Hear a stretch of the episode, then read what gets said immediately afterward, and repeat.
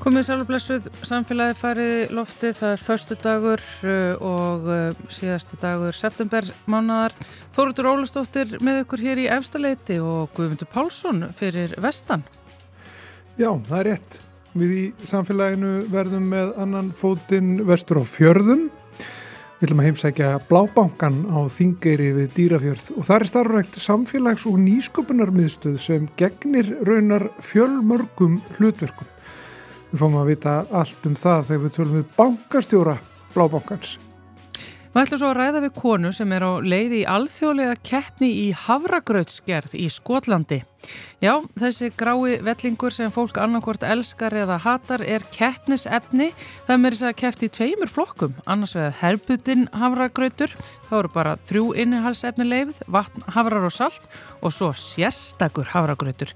En þá geta keppendur látið ljósett skína því takmörka á innihalsefni er enginn keppandin sem við ræðum við notar meðal annars indversk krydd í sinngraut. Spennandi vissulega og þið skulle ekki missa þessu viðtali. Svo er plastið, plastlaus september er senn á enda, síðasti dagur september mánar er í dag og við höfum fengið að fylgjast með pjölskyldu sem að eh, hefur verið svona að taka þátt í þessu og uh, minka plastið og jafnvel hætta alveg að nota plast í sumu tilfellum. Við höfum að heyra betur þeim á eftir hvernig gengur. Svo fáum við sérstakar gest til okkar í lok þáttar. Sjálf vera Íllöðadóttir ætlar að koma og segja okkur frá feitum björnum. En við byrjum fyrir vestan.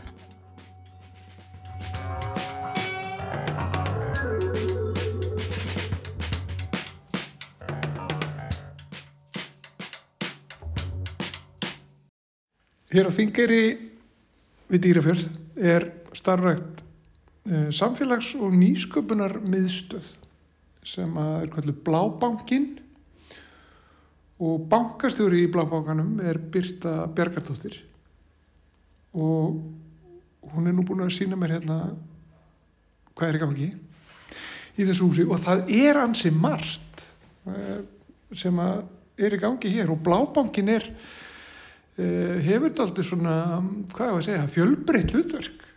Já, það má mér sannir segja það. Í rauninni, einmitt, Blábóngin er uh, nýsköpunar og samfélagsmiðstöð og augljóslega undir nýsköpun er mjög margt sem fellur og eins með samfélagsmiðstöð uh, og margt af því líka skarast.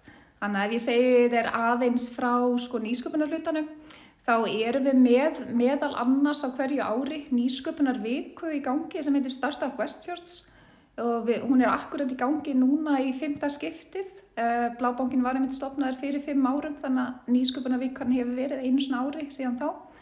Uh, við erum líka með samvinnu rými þar sem að margir koma jafnvel í fjárvinnu og svo leiðis, stafrænir flakkarar og hvað þá náttúrulega núna eftir COVID og í COVID þá eru ótrúlegustu störf hægt að vinna í fjárvinnu Eh, eða það er búið að koma í ljós. Þetta var það alltaf hægt en það er búið að koma vel í ljós núna. Eh, þannig að við erum, ég held að mér sé óhætt að segja að við séum með eitt besta útsýnið úr svona samvinnurými að minnstakast á Íslandi. Ég veit ég er ekki hlutlaus en mér finnst það. Og uh, já og svo hjálpum við fólki á svæðinu og víðar að með alls konar hugmyndir hvað var það nýsköpun og komaðum af stað. Og ég er með námskið og fyrirlestra og, og slíkt og auðvitað sumt af því skarast yfir á uh, sam, samfélagsmiðstöðar hlutan. Eh, sko við erum að vinna með fólki á svæðinu sem er jafnvel með þjónustu og eða fyrirtæki gangin og þegar. Og fyrir tveimur árum var stopnaður hinn svo kallaði aðtapnaklúpur þingirar þannig að það eru akkurat þessir aðilar og auðvitað bætast við og alls konar verkefni í gangi og auðvitað bara rosalega margt spennandi. Hvað þá hvað varðar ferðarþjónustu og náttúrufegurðina og og náttúru upplifun á svæðinu. E, og Adamlúpur Þingirar, e, við vorum öll saman með mjög stórt samstagsverkefni síðasta sumar, þar að segja núna 2022, sem heitir Heimsækjum Þingiri og þar vorum við með samfælda dagskrá, e, þar að segja að það var einhvers konar dagskrá viðburðir á hverjum einasta degi yfir sumartíman e, og svo stæri viðburðir líka eins og helgar hér og þar, blagmót, þar að segja strandblagmót og hlaupaháttíð og margt, margt fleira vikingaháttíðin sem er á hverju ári. Þannig að það var rosalegt líf í fyrðinum. Um, hvað skal ég segja þér, fleira, við erum líka með þjónustu landsbankans, það er hérna lítið útibú í blábankanum, en landsbankin var einmitt í þessu húsnaði. Uh, Sparisjóðurinn fyrst og svo landsbankin og var með opið alla daga en núna er opið einu í viku.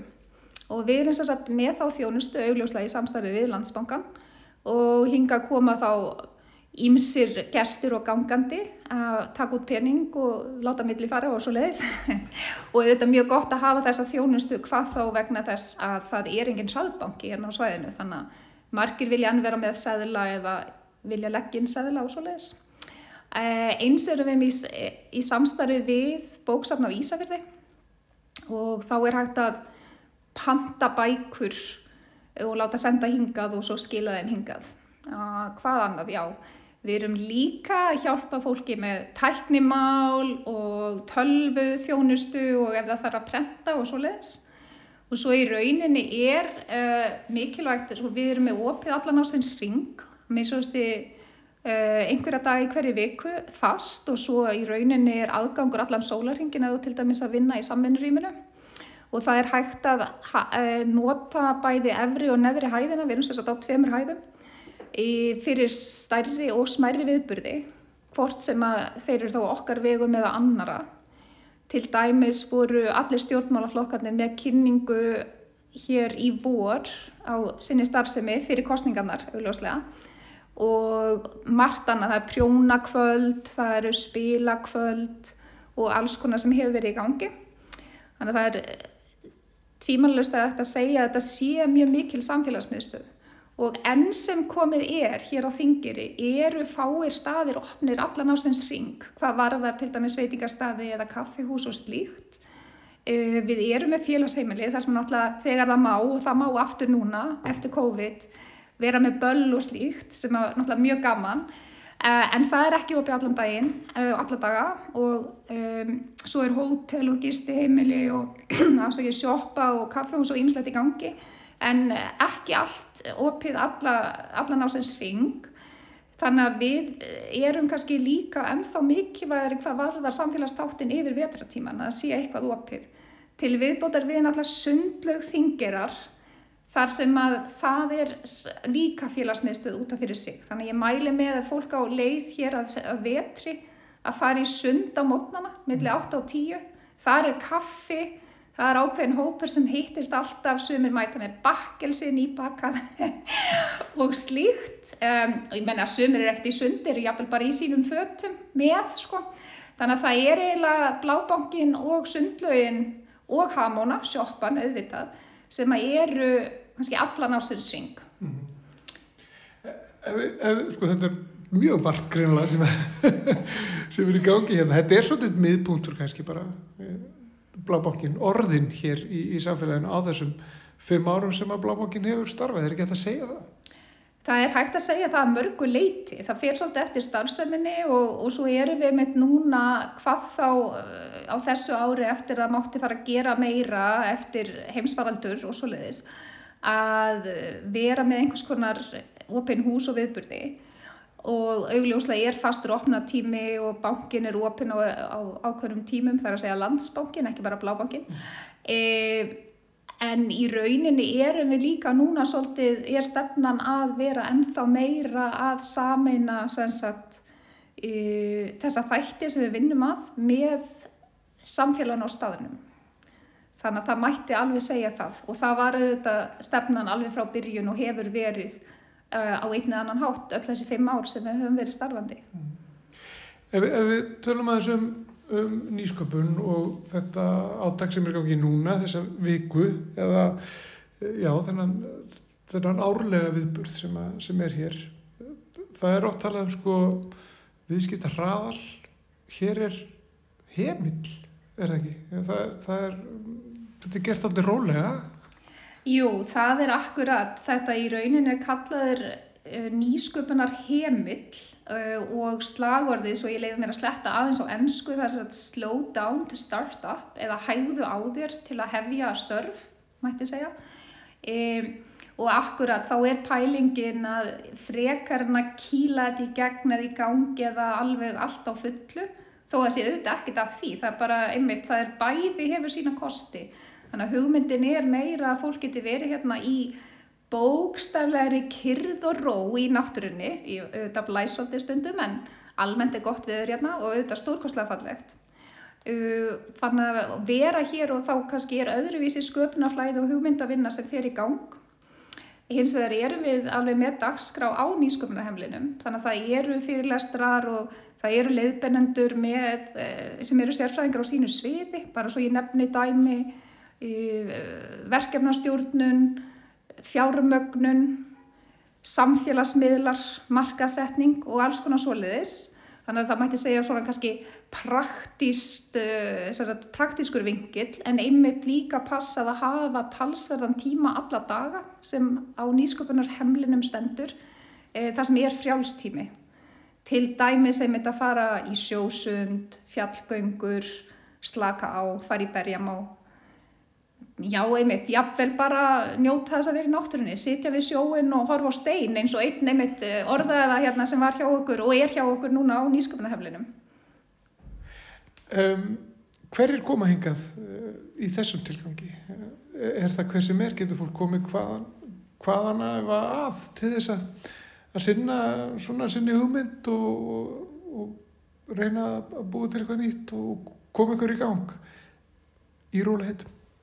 Já, það í rauninni er opið fyrir alla. Þetta er þess að þó þetta heitir Startup Vestfjörds og sé augljóslega hér á þingir í dýrafyrði á Vestfjörðum, þá er þetta opið fyrir alla og meiri segja höfum við stundum markasett á alþjóðlegum vettvangi. Þetta árið þá einmitt aftur opið fyrir alla en í rauninni eru e, fyrirlestrar og annað á íslensku ekki á ennsku eins og verið hefur þannig við vorum svolítið að höfða meira til um, þeirra sem búa á svæðinu og víðar hér á vestfjörðum sem að kannski myndu annars ekki taka þátt. Hins vegar er þetta, já þetta er á íslensku og svo líka ennsku. Þannig að það eru þó nokkrir sem búa á Íslandi sem er ekki endilega með íslensku sem e, móðurmál en tala bæði íslensku og ennsku e, og í rauninni þú sækir um þannig að það eru auðvitað einhverjar kröfur og þú þarfst að fylla út umsókn og tala um hugmyndina þína eða verkefnið og, og verkefnin eru mislangt á veg komin. En ef þú uppfyllir kröfunar og okkur líst vel á umsóknina þá er þér búið að taka þátt og það voru einmitt nýju rosalega flott verkefni sem sóttum á þessu ári. Og það voru svo, nei afsaki sem að fengu ingöngu á þessu ári. Og það voru sjö sem komust, það voru tveir sem þurfti að hætta við en öll þessi verkefni eru uh, okkur fannst uh, passa innan rammans og eru samt rosalega misjöfn. Og þetta er fólk allt frá einsmanns teimi upp í nokkura manna teimi og hvað skal ég segja? Það er í rauninni uh, galleri uh, áþreifanlegir hlutir og líka svona meira í skíjónum eins og maður segir, ekki í skíjónum að það sé óraunhæft heldur eh, á netinu eins og markasetningar fyrirtæki og svo leiðis þannig að, og einmitt jafnvel að eh, hérna rækta mat allan á sinn sving sem er kannski ekki bóði á ákveðnar gerðir af mat eða plöntum allan á sinn sving á Íslandi ekki endilega bara hérna vestfjörðum og í rauninni af þessum aðlum sem er að taka þátt núna e, það eru cirka 60% sem eru kannski hérna á vestfjörðum eða með verkefni sem tengjast vestfjörðum en aðrir eru annar staða frá aðalega af höfuborgarsvæðinu. Og þetta er í gangi núna þessa helgi og, og hvað tekur svo við hér í, í blóðbókarum? Já, þetta er einmitt núna að klárast um helgin. Þetta er búið að vera frá því um síðustu helgi og voru einmitt tvær helgar í röð þetta árið og svo að vinna í vikuna á milli ef fólk vildi. E, svo er í rauninu hauststarfið að byrja.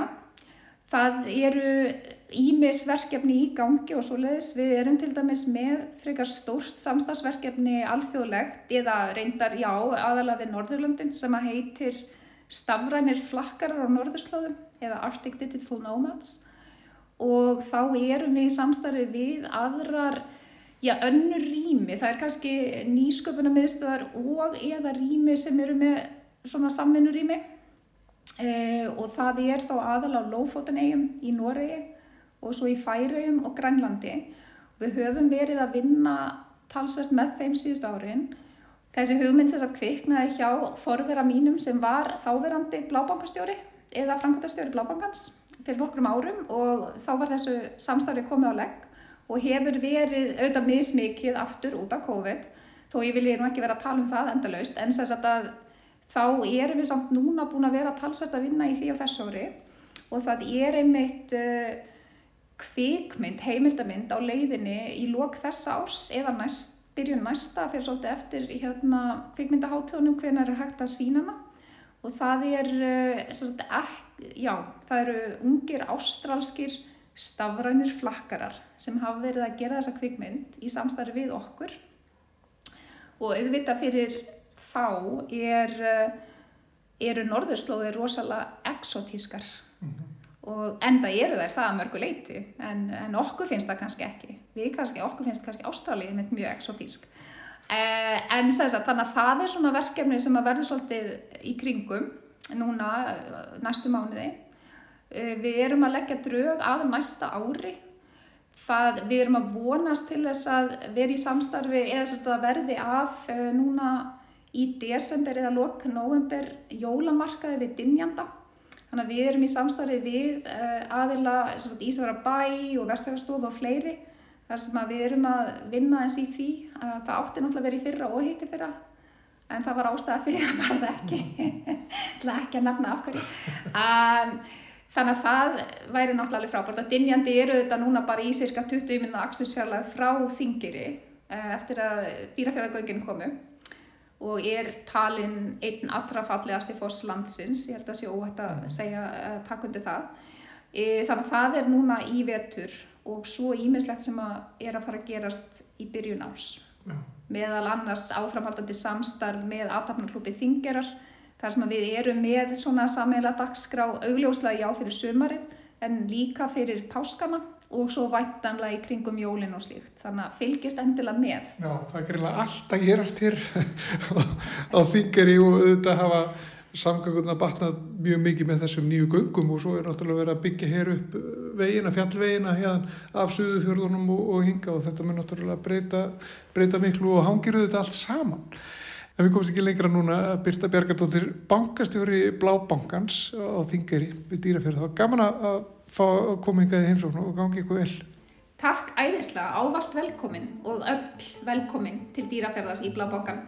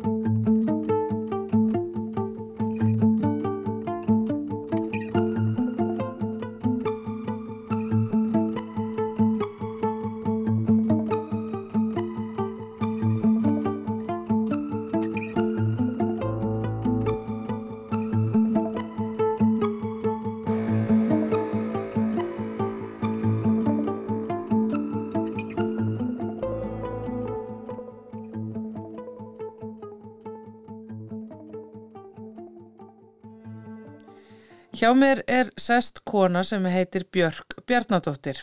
Björk þessi er á leiðinni í alþjóðlega keppni í Havragrautsgerð.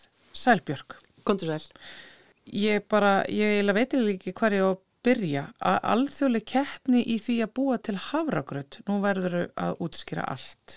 Já, uh, ég vissi nú ekkert mjög mikið um keppnana þegar ég sótt um núna í februar í degsta skamdeginu þá var ég bara eitthvað að flakka á netur um kvöldi og það allt í henni myndi eftir að það voru einu sinni tvær íslenskar konur sem fóru og kæftu í henni alþjóðlega hafragrútukefni í Carbridge í Skotlandi í Skosku Hálundunum og það eru sýstunar í sýstra samlæginu mm. og þær fóru semst 2017 og gekk bara ágætlega. Er unnu nú ekki keppnina.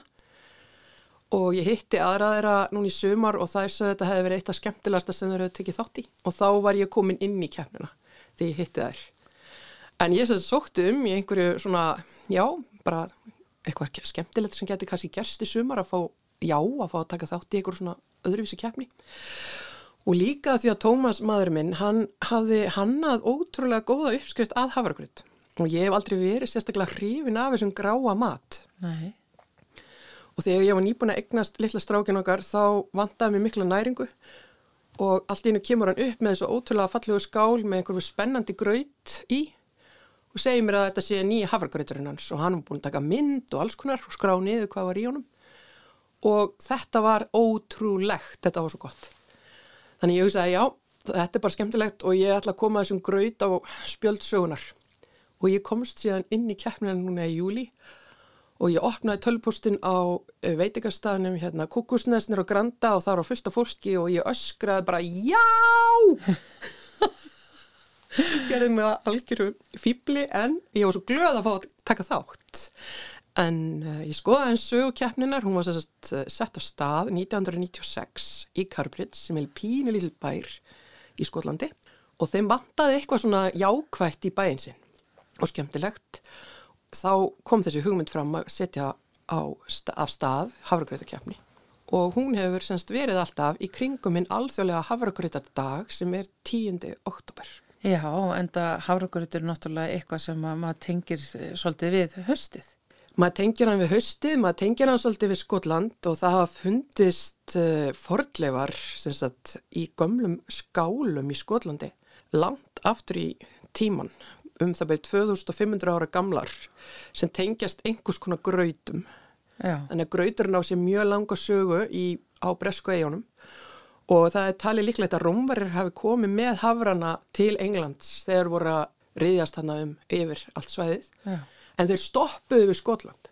Því það voru brjálagur ættflokkur sem þeir kölluðu Picts sem voru allir tattúveraður og réðust á þá með þvíliku offorsi að Rómverarnir byggðu vekk sem núna skilur að England og Skotland Já.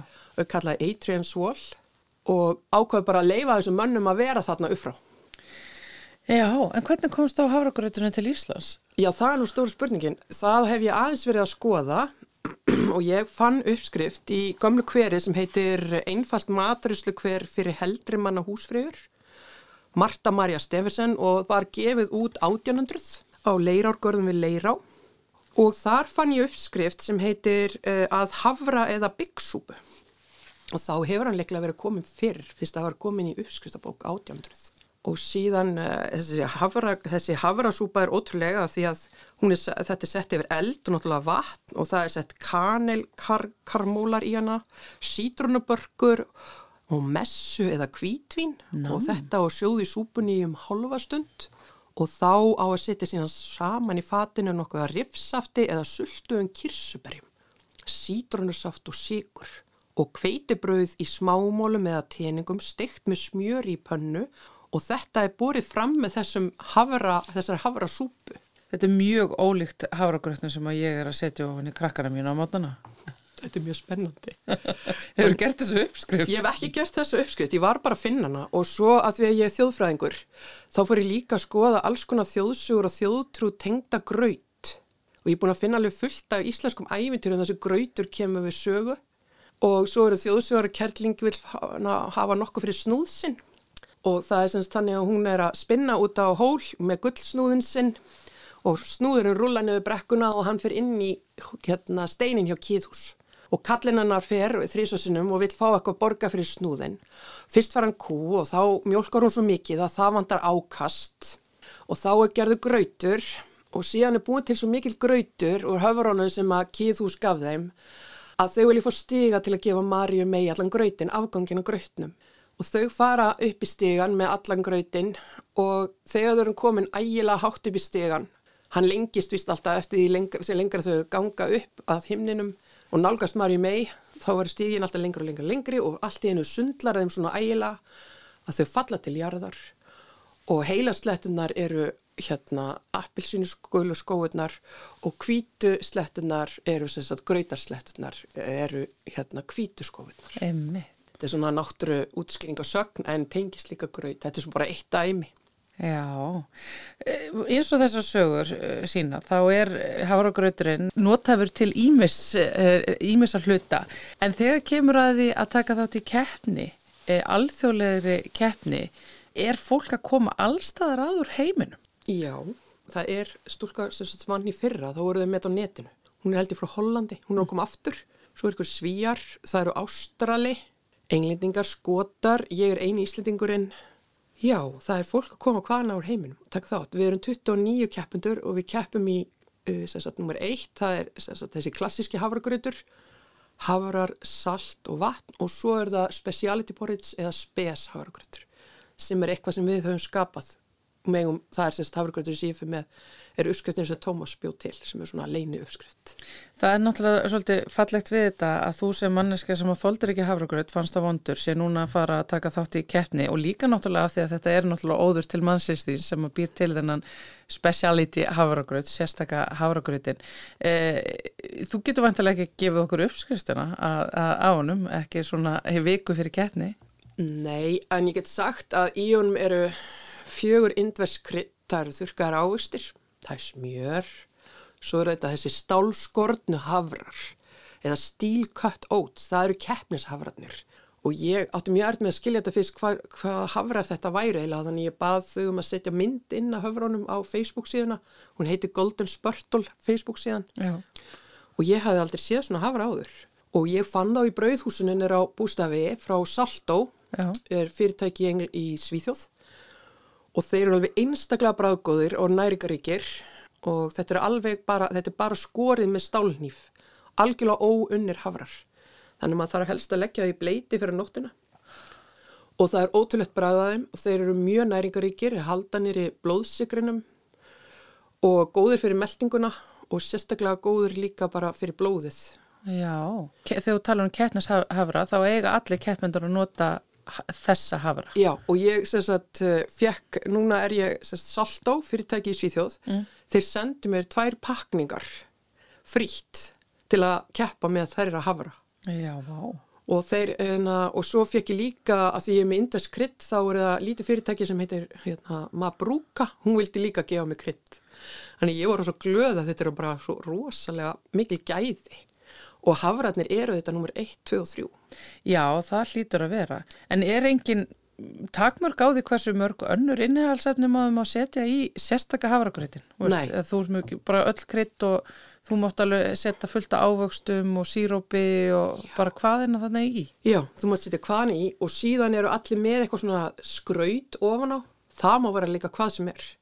Þannig að e, fólk getur verið með sér, til dæmis bara vegangraut, það getur sumi geta verið með eitthvað grauta sem henda sem eru mjölkurlausir eða ég veit ekki. En síðan bara hægt að hafa grauta með alveg ótrúlega mörgu í. Þannig að þetta er sko e, ótrúleg fjölbreytni sem er hægt að vera með hafragrautin. Það er hægt að bara eiginlega setja allt í hafragrautin. Já, veist, það er hægt að fara með hann í allar áttir. Veist, það að þú sérst að nota indverskrydd Já. í, í keppniskvöldin þinn, það er í mín eiru töluvert mikið flip. Já, og svo er þetta bara mjög mikið skipula, ég þurfti að kaupa fjóra potta að því að ef ég fæ að fara sérst, að halda áfram, taka næsta, við erum sérst 15 sem eldum og svo koma, komast nokkri í úrslit, þá eldum við aftur. Já.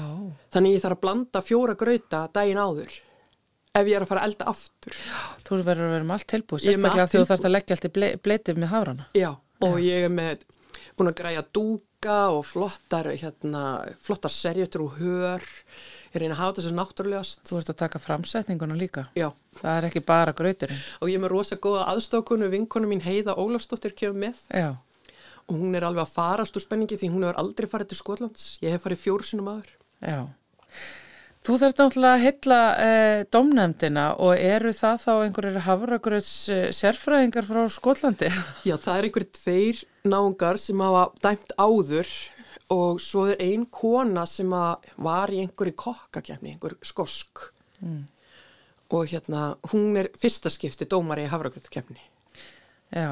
Þannig kannski fellur þeim ekkert í geð þessi indvösku krydd bombu gröytur minn sko. Við vitum það ekki, það er líka svolítið það líka fer svolítið eftir hvað, hvað dómrónum finnst gott, hvað er valið. Nákvæmlega. Þeir skipta rosa miklu máli. Já, Eru þeir gúrmi eða vilja hafa þetta svona hefbundi? Já, þú, þú ert, m, þú lýsir þínum gröti sem svona frekar óhefbundnum, er það Já. ekki? Já, það er óhefbundum. Og þetta óhefbunda má líka vera hafra kökur eða eitthvað, bara að séu hafrar í því. Já, já, en fari ekki allir í grötinu? Jú, ég held það að sé aðalega þannig. Og Þú ert ekki eru- að fara með hjónabansæluna þarna? og svo erum við með svona, uh, það heitir á, á ennsku spörtól og þetta er bara svona ávalt tréprygg sem skotanir hafa alltaf nota til að hræra í hafragröðnum. Já, Það er rosa gott að nota því hann er svo, fer, hún fer svo vel í hendi þessi spyrtla. já. Hún er létt og þægileg. Og þetta er einmitt Golden Spörtul, gilda er uh, tölverður tungubrjótur en, en, en fallegt ef þú vinnur það. Við gáum hafragröðnum nafn eða heiða hjá- fann nafnið, það er sérst Balmoral Porridge. Balmoral, vísum Það er hvað? höllin hennar, hennar Elisabetar í Skotlandi. Er þetta þá óður til drottningarinnar heitinu? Þetta er bara svona, eitthvað svona á að vera konunglegur og drottningalegur hafragrautur myndi ég segja. Já, já, ég meina það er náttúrulega indvest krydd í þessu og það er nú eitthvað sem að tilherði breska heimsveldinu hér áður fyrr. Já, nákvæmlega. Þannig að þetta er nú eitthvað. Þannig að við erum bara, já, rosalega spenntar og svo ætlum við að fara, nú- nýta eins tíman og förum til Helgu eigunar Æjóna á leiðinni heim og ætlum að skoða þar fornar rústir og skoða söguna á leiðinni heim. Já, hérna hér. En sko af því þú segir að þetta séu tveir flokkar, uh, það er náttúrulega þessi speciality grötur, sérstakki gröturinn sem að verður þá balmoral gröturinn þinn, Já. það sem að þú ert náttúrulega ekki að segja okkur alveg hvað er í honum uh, af því að þú ert að fara að keppa. En þessi hefðbundni, það sem eru í rauninu bara þrjú innihalsefni, er það þá bara keppni í bestu hlutföllunum? Æ, já, og líka... Það er bara hafrar, salt og... Já, vatn. Já, Jú, það eru bestu hlutullin og líka hvernig þú ert að elda en hvað, já, áferðin og bragðið er aðalmáli í, í þessum hefðbundna. Hvaða skóla aðhellist þú þegar kemur að áferð og bragði á innföldum hafragraut? Bara sé Aftur ekki svona bara- klísturslugur. Er það það sem að Já. þú þoldir aldrei við Já, hafragraut? það var það sem ég fannst alltaf svo hræðilegt. Og hérna, að því að ég er með þessa góða hafra þannig á Svíþjóð, að því ég er búin að æfa mig með bandariskum hérna, stálskornum höfrum þegar ég gati ekki nálgast þessa sænsku. Ég var búin með sænska, sænsku hafranum mína, var að býða eftir sendingunni Mm. og kefti ég hafra sem voru búinir til í bandaríkunum. Og þá vestnaði bragðið til muna. Nó, Og það er bara málið að ef jarðvegurinn er ekki lægi þegar þú ert að rækta eitthvað, þá kemst það inn í bragðið á vörunni. þannig að meiri sér eitthvað eins og hafrar tekur óbragð upp úr jarðveginu sínum.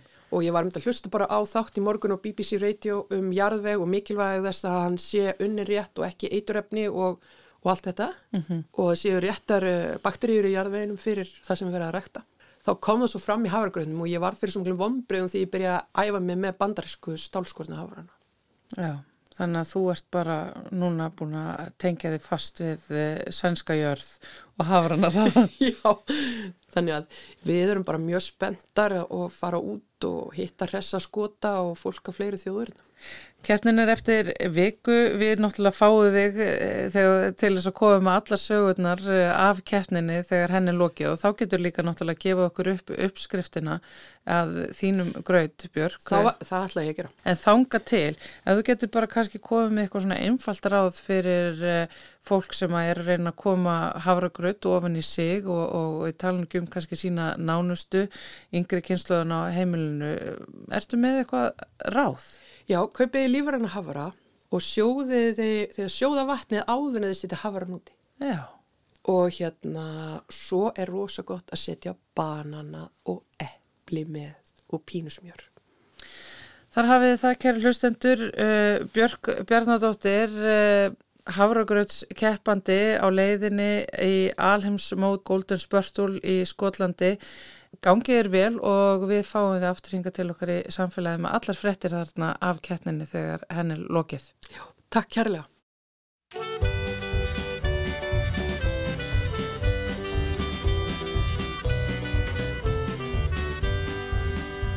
Þeir börðust, þeir börðust um brauðið og grautin Því brauð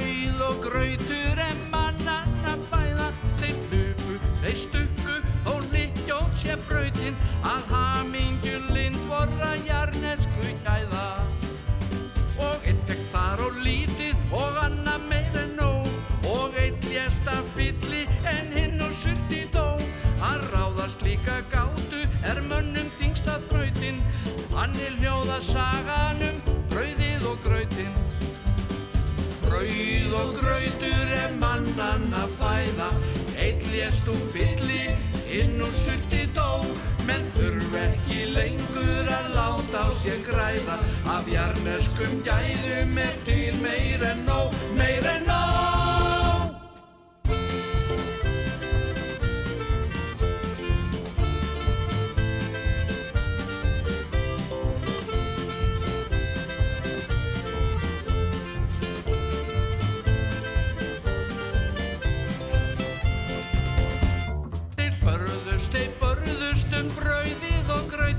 Því brauð og gröytur er mannanna fæða. Þeir hlupu, þeir stukku, þó líkjóð sé brautin. Að hamingjulinn vorra jarnesku gæða. Brauð og gröytur er mannanna fæða. Eitt lést úr fylli, hinn úr sulti dó. Menn þurf ekki lengur að láta á sér græða. Af jarneskum gæðum er til meir en nóg, meir en nóg fæða. Eitt lést úr fylli, hinn úr sulti dó. Menn þurf ekki lengur að láta á sér græða. Af jarneskum gæðum er til meir en nóg, meir en nóg. Brauð og grautur, þetta er uh, lag sem Steinn Steinarsson, uh, Steinn Steinar gerði textan við en er þarna í flutningi ímessa uh, tónlistamanna sem að komu saman á plötinu Sóli heiði sem fjölskylda Ágústar Ármanns Þorlekssonar gaf út. Ágúst þessi mikill frumkvöðl í tónlist eh, fórustumadur Östfersks tónlistalífs. En þá er komið að plasslösu fjölskyldun okkar, það er loka dagur september mánadas og átagsins eh, eh, plasslös september. Við höfum fengið að fylgjast með hvernig þeim gengur í þessu átaki okkar fólki Gunnela Holmarsdóttir og Edvard Alli Birgesson sem er hingað komin til okkar sælverði. Sæl. Hæ, hæ. Hvað viljið þið segja? Hvernig, hvernig lítið þið á að þessi mánuður hafi gengið? Heyrðu, ég eh, er bara ótrúlega glöð að vera komin inn til þess að segja frá okkar árangri. ég er svo stolt. Við náðum nefnilega að minga plastið um helming. Við erum með þessa svörtu tunnu frá IKEA undir vaskinum og við vorum sagt, með eina svona kvíta stóra inn í þóttási sem ég let fara í byrjun mánaðis. Þannig að við værum bara að nota svörtu og í staðan fyrir að tæma svörtu vikulega þá dæmdu við hana aðra hvora viku.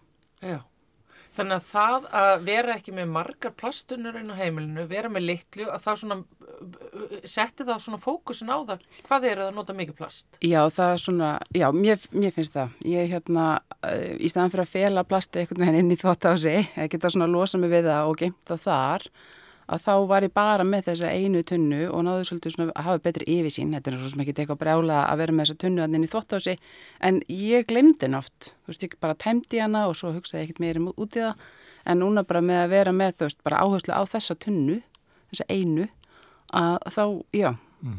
náðu ég fylgjast betur með. Og hvað heldur að hafi haft mest um það að segja að þið náðu að minga plastið um helming? Algjörlega innkaup, uh, sérst. Mm að reyna að kaupa sem mest ekki í plasti mm -hmm. og vestla við vestlanir sem selja verður í, í lausa, sem sagt, ekki í pakningum og e, glerkrukkum frekar sem hægt er að skila í búðuna og slikt. Ja. Þannig að algjörlega matarinköp. Sko, eru einhvað sem að koma ykkur óvart í þessu ferli, í þessu átæki? Já, nei, svo í raunin ekki. Þú veist, þetta hefur alltaf verið, maður hefur alltaf vitað þetta en það er bara um leiðum maður tekur þetta svona smá um, hliðaspor eða svona fókusshift, maður, maður svona beinir augunum sínum að þessu og pælir aðeins meira í þessu, þá, þá, þá hérna, þá kemur þetta manni á óvart auðvitað hvað þetta er mikið en á sama tíma hefur maður alltaf vitað það. Já, já. Því, það kom mér reyndir á óvart hvað væri mikið plast inn á okkar heimili þegar ég fór virkilega að pæli því að já. því að ég hef búin að vera í þessu plastátaki í þrjú ár og mér fannst við bara að vera að standa okkur ótrúlega vel. Mm en svo þegar ég svona einhvern veginn er búin að vera með aðeins minni einbeitningu eða fókus á þessu senstu mánu að því ég er búin að vera svo upptekinn bara við mastersnám og annað að einhvern veginn að fá svona áttak bara að setja mig aftur inn á brautina og þá átti að ég má, við vorum bara alls ekkert að gera all, okkar allra besta, við gátum gert betur. Þannig að þetta er eins og Edvard segir, það er mikilvægt að taka smá fókus á þetta öðru kvoru af því að þá er mitt svona eh, sér maður betur hlutina sem að maður hefur kannski verið að láta damla svolítið. Já, svona setur mann aftur á réttu spórin, sko. Já. Já, ég er alveg samanlega því, ég veist það.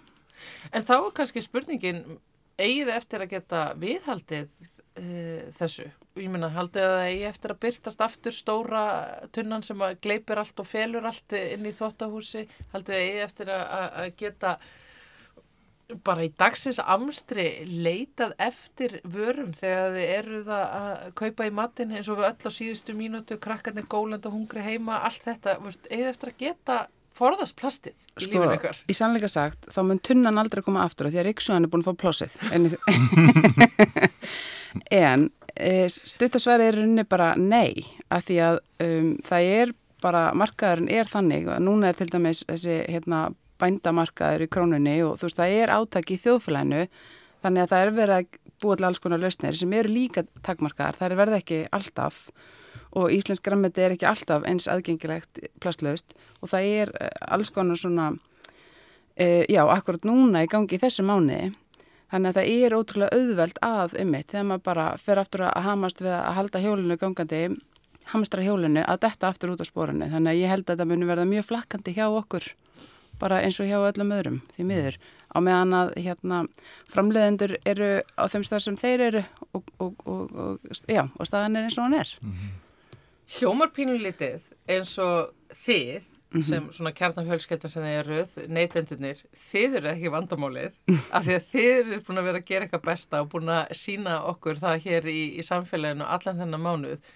Vandamálið er kannski akkurat það sem varst að segja Gunnela. Þetta eru framleiðunir, þetta eru búðunar. Veist. Þau eru ekki beinlýnis að gera ykkur sem eru öll að verið gerð og auðvelt fyrir.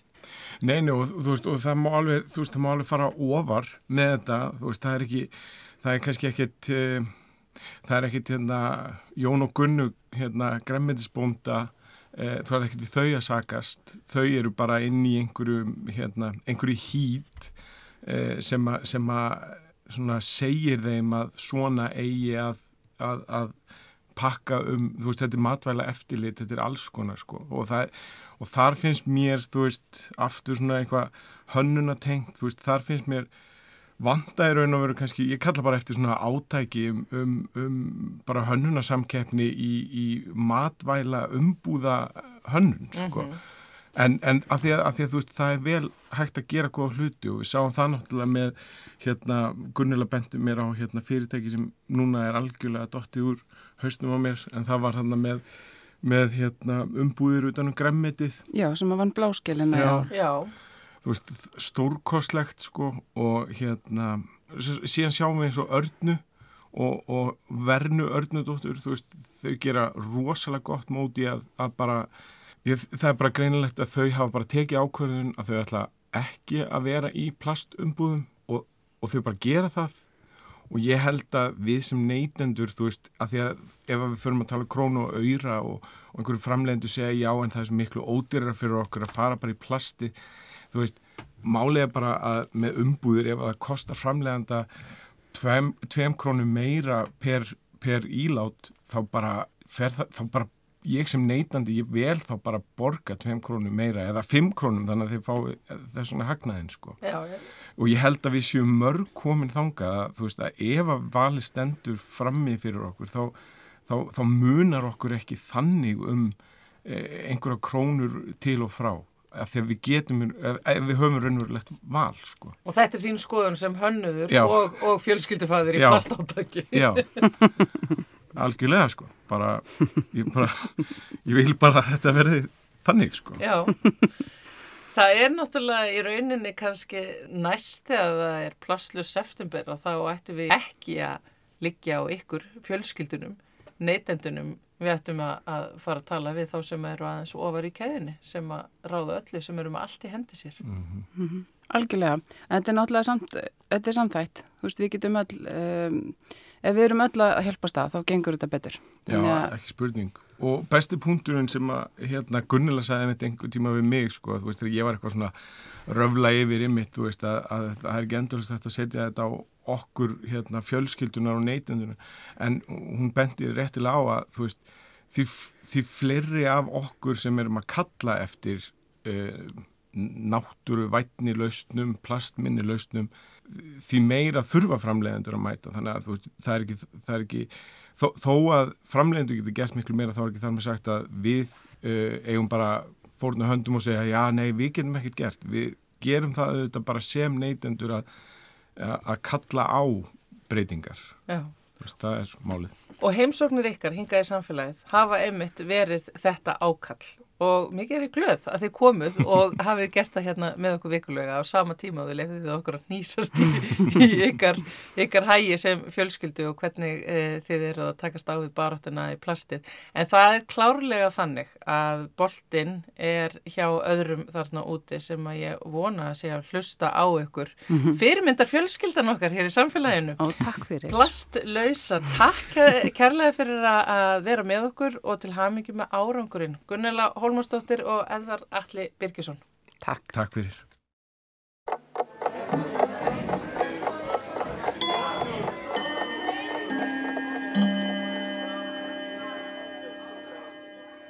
Það er merkilegt með orðið fang að það hefur ýmsar mismunandi merkingar sem er ekki svo ólíkar þegar betur er að gáð. Faðmur er einmerkingin. Að taka í fangið er að taka utanum, umvefja. Með fangið fullt er bæði að hafa mikið að bera og í mörgu að snúast. Að eiga fullt í fangi með eitthvað er að ráða varla við verkefnið. Þá er fang ekki alveg sömu merkingar og faðmur. Í mótlæti er stundum sagt að við séum með stormin í fangið en það er líka bókstaflega merking þegar gengið er á móti vindi. Að færast eitthvað í fang er að byrja á einhverju. Ef við færumst mikið í fang, höfum við mikið fyrir stafni, en ef við færumst of mikið í fang eru verkefnin meiri en við ráðum við.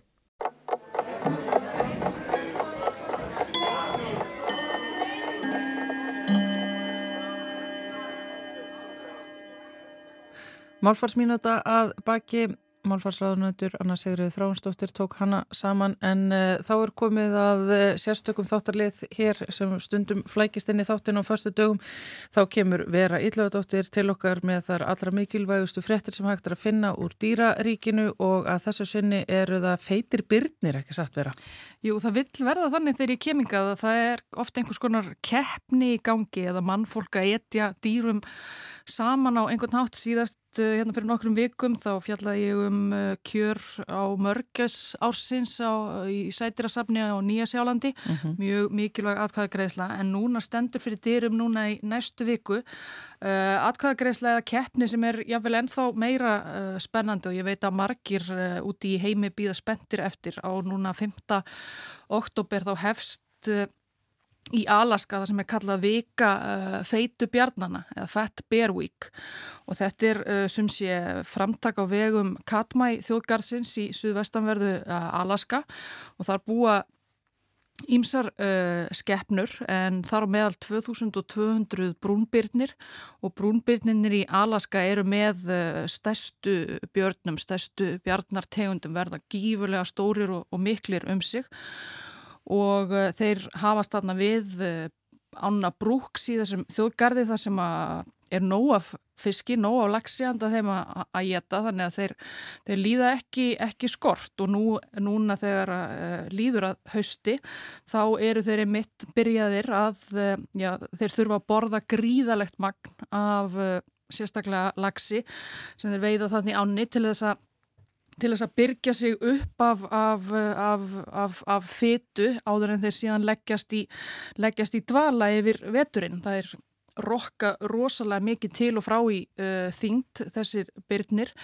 Þeir uh, missa alltaf þriðjung af líkamsþyngd sinni á meðan þeir liggja í, í dvalanum og koma úr honum að vori afskaplega svona hóraðir af björnum að vera en hafa séðan þessa hennan stutt á sumar tíma uh, í Alaska til þess að geta eins og þeir geta og bæta á sig og uh, þurfa að veiða um 30 lagsa á dag eitthvað svo leiðis og borða bara sko 20 kílóa á, á, á degi hverjum. Nú þjóðgarsverðir uh, komið fyrir nokkrum árum upp uh, vefmyndavilum á, á stöðunum, svona helstu stöðum við þessa á þar sem að, þar sem að bitninir stilla sér upp til þess að, til þess að ná í, í lagsana og þessi vefmyndavil hefur orðið mjög vinsæl og margir sem að fylgjast með, með þeim að, á veiðum. Og síðan eftir, eftir það þá var sem sagt uh, og eh, vinsaldinnar auðvitað svo miklar að fólk fór að verða forvitið um einstaka byrni og fór að þekka hinn og, hinn og þennan björn í, í, í sjón sem eru þannig hérna, aðsópsmiklir í þjóðgarðinum. Og þess vegna var ákveða efna fyrir nokkrum árum til þessar keppni Fat Bear Week þar sem að eru kostningar milli einstaka bjarna eins, eins bara svona, þetta er útsláttakeppni, bara svona vinseldakostning á hverju ári eru valdir nokkrir byrnir sem að þykja að hafa vakið aðtikli á, á, á, á síðustu mánuðu með að skara fram úr á einhverju, einhverju sviði.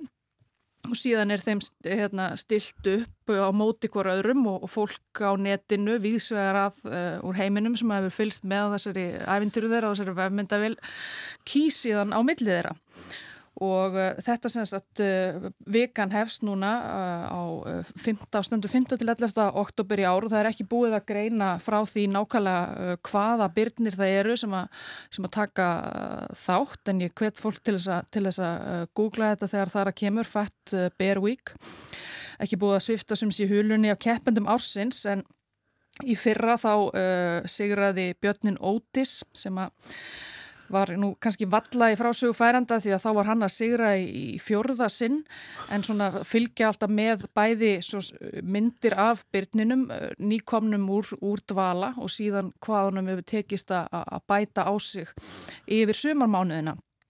Ótis, eh, Ótis eh, naut svona vinselda netverja vegna þess að hann, hann er orðin hansi gamall, hann er 20 eitthvað ára gamall byrjaði að missa tennur og, og svona mm. orðin daldi hrörlegur og hefur þess að nátt í svona nokkur bastli við að keppa við yngri byrni um, um, um bestu lagsabitana og bestu veiðistæðina en þetta svona afláðunum mik mikil að vinselda meðal, meðal, meðal netverja og hann sem sé sigraði þessa keppni í, í, í fyrra og í hitti fyrra og einnig 2016 og 2017 þannig að spurning hvort að hann verður aftur með í, með í ár. Uh, sumir Bjarnan að heita svona einhver, með einhver svona viðurnefni eins og ótis, aðrir uh, þekkjast einungis uh, með númerum sem að, að, að þjóðgarsverðir gefa þeim. Þannig var Sigurvegarinn 2020 einn af uh, stærstu björnunum sem að, sem að sérst hafa í, í, í gardinum eitthvað um 640 kílóa þing þegar hann laðist til dvala í september 2020 og uh, reyndar fekk mjög passandi uh, nafn, mikið réttnefni af því að hann gekk undir númerinu 747 það var alveg á stærð við, við stærðarinnar bóingþóttu svo má segja, þannig að hann hefur einnig notið mikill að vinselda og uh, síðan eru þarna ímsir, ímsir byrnir sem að, hafa, sem að þykja að hafa alls konar mismunandi karakterengkenni og, og, og, og útlitt og svo leiðist, þannig að þarna fólk getur alveg mist sig í því að stúdera þessar mismunandi, mismunandi byrni og meira segja nýlunda í ár sem að er nú þegar hafinn er að það er svona junior keppni sem að kosið er uh, einni á milli, milli húna og, og svona ung, ung bjarna ef, ef svo máðu orðið komast. Svo atkvæða greisla er, er, er þegar hafinn og, og er verið að kjósa þannig milli, milli húna og, og svona eins og tveggjára gamalla uh, bjarna. Þannig að það er og þeir kannski einhverjir, einhverjir, einhverjir þar sem að munu síðar eftir einhver ár keppa í, í, í aðalkeppninni þannig að það er komin svona eins konar undankeppni fyrir, fyrir ung, ung byrni þannig að þetta er gríðarlega spennandi keppni og fær mjög mikla fjölmiðlaumfyllun í, í bandaríkunum á ári hverju. Það eru greinilega mjög margi sem hafa, hafa gaman að því að fylgjast með uh, þessum skeppnum og, og segja skoðun sína á þeim og svo er þetta ótrúlega gaman að horfa á þessa vefmyndavel. Hún það má finna hana á, vef, á vefslóðinni explore.org ég er að horfa á þetta núna, þeir eru rosalega margi núna í einhverjum Vá, einhverjum þeir fossi. koma svona margi saman. Þetta er einhver lagsafoss greinilega og þeir eru, þetta eru 20 byrnir þarna. Já, þeir eru greinilega að vita vestu staðina, þannig er alveg fullt af björnum og lagsarnir að skoppa þarna upp í kæftin á þeim. Maður sér að þannig er einn sem að er að rýfa í sig einn lagsin Já Vá, og þetta, þeir virðast nú vera alveg tilbúinir undir vetrarhýði þessi byrnir sem við sjáum þarna á veðmyndavilinni því að þetta eru Já, já, þeir, þeir, það eru orðinlega aldrei spekaðir. Já, en það fer að líða því að þeir, þeir eh, fara að leggjast í, í, í, í dvala og og bæði þetta undirbúið sem undir það og svo er spurning hvort þeir sé ekki þetta, með metnað fyrir þessari keppni. Þetta er mikil heiður að standa uppi sem sigurveri sem feitast í björn Alaska á sinns 2022. Já, enda líka er náttúrulega eitthvað sem heldur í þeim lífinu, blessuðu skeppnunum og uh, ég sé það bara strax þegar ég fór að googla þetta, þá er mikið verið að bera saman myndir af þeim þegar þeir koma úr hýði af vorri og síðan þeir eru á leið í hýði að hösti og það er, það er sláandi munur hvað þeir geta sett mikið á sig bara yfir sömatíman. Þeir líta hérna útdeila nána eins og svona, þeir eru kinnfiskasoknir, þeir eru svo horraðir þeir eru komið út úr hýði, þeir eru svo langhundar, þessar miklu og stóru skeppnur, en svo alveg vakkaður um í spikinu þegar þeir, ef að, ef að vel hefur gengið við veiðarnar. Þeir eru, það er eiginlega alveg ótrúlegt að suma þessu sumir að þeim getur hreift sig fyrir spiki.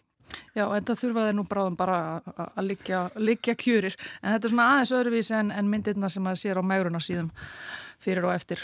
Já, ég held að þetta sé líka mögulega bara e, valdeflandi, þú veist, að einhverju leiti að fylgjast með þessum björnum undurbúa sig undir hérna veturinn, það náttúrulega lemur og okkur mannfólkinu og allt áruðum kring einhver svona megrunar stefna að við hefum að vera hérna, passa okkur og halda í við okkur en ég meina framferð sem horfir og þá er þessi vetur til dæmis hér á Íslandi að fara að vera algjört, algjör leiðindi og ég get ímynda með margt verra að gera svona höstu til heldur en að bara úða í mig uh, viltum lagsi bara til þess að undirbáða mig undir það sem að er að fara að koma hér. Já, ég held að við getum öll tekið Alaska byrni okkur til fyrirmyndar. Já, Mörgum. mikil ósköp og svo sannarlega. Takk kærlega fyrir að koma með þetta hérna til okkar í samfélagið. Eh, vera ílláðdóttir æfinlega velkomin og missið ekki af þessari keppni kærlustendur farið og googlið okkur áfram Fatt Bervík, Kanada. Takk. Og uh, með veru líkur þættinum í dag, já og þessa vikuna en örvendið ekki ég, Þórildur Ólastóttir og Guðmundur Pálsson ætlum að koma til ykkur aftur hér eftir helgi fullan þátt alls konar gúmilaði og fjöri. Heyrums þá.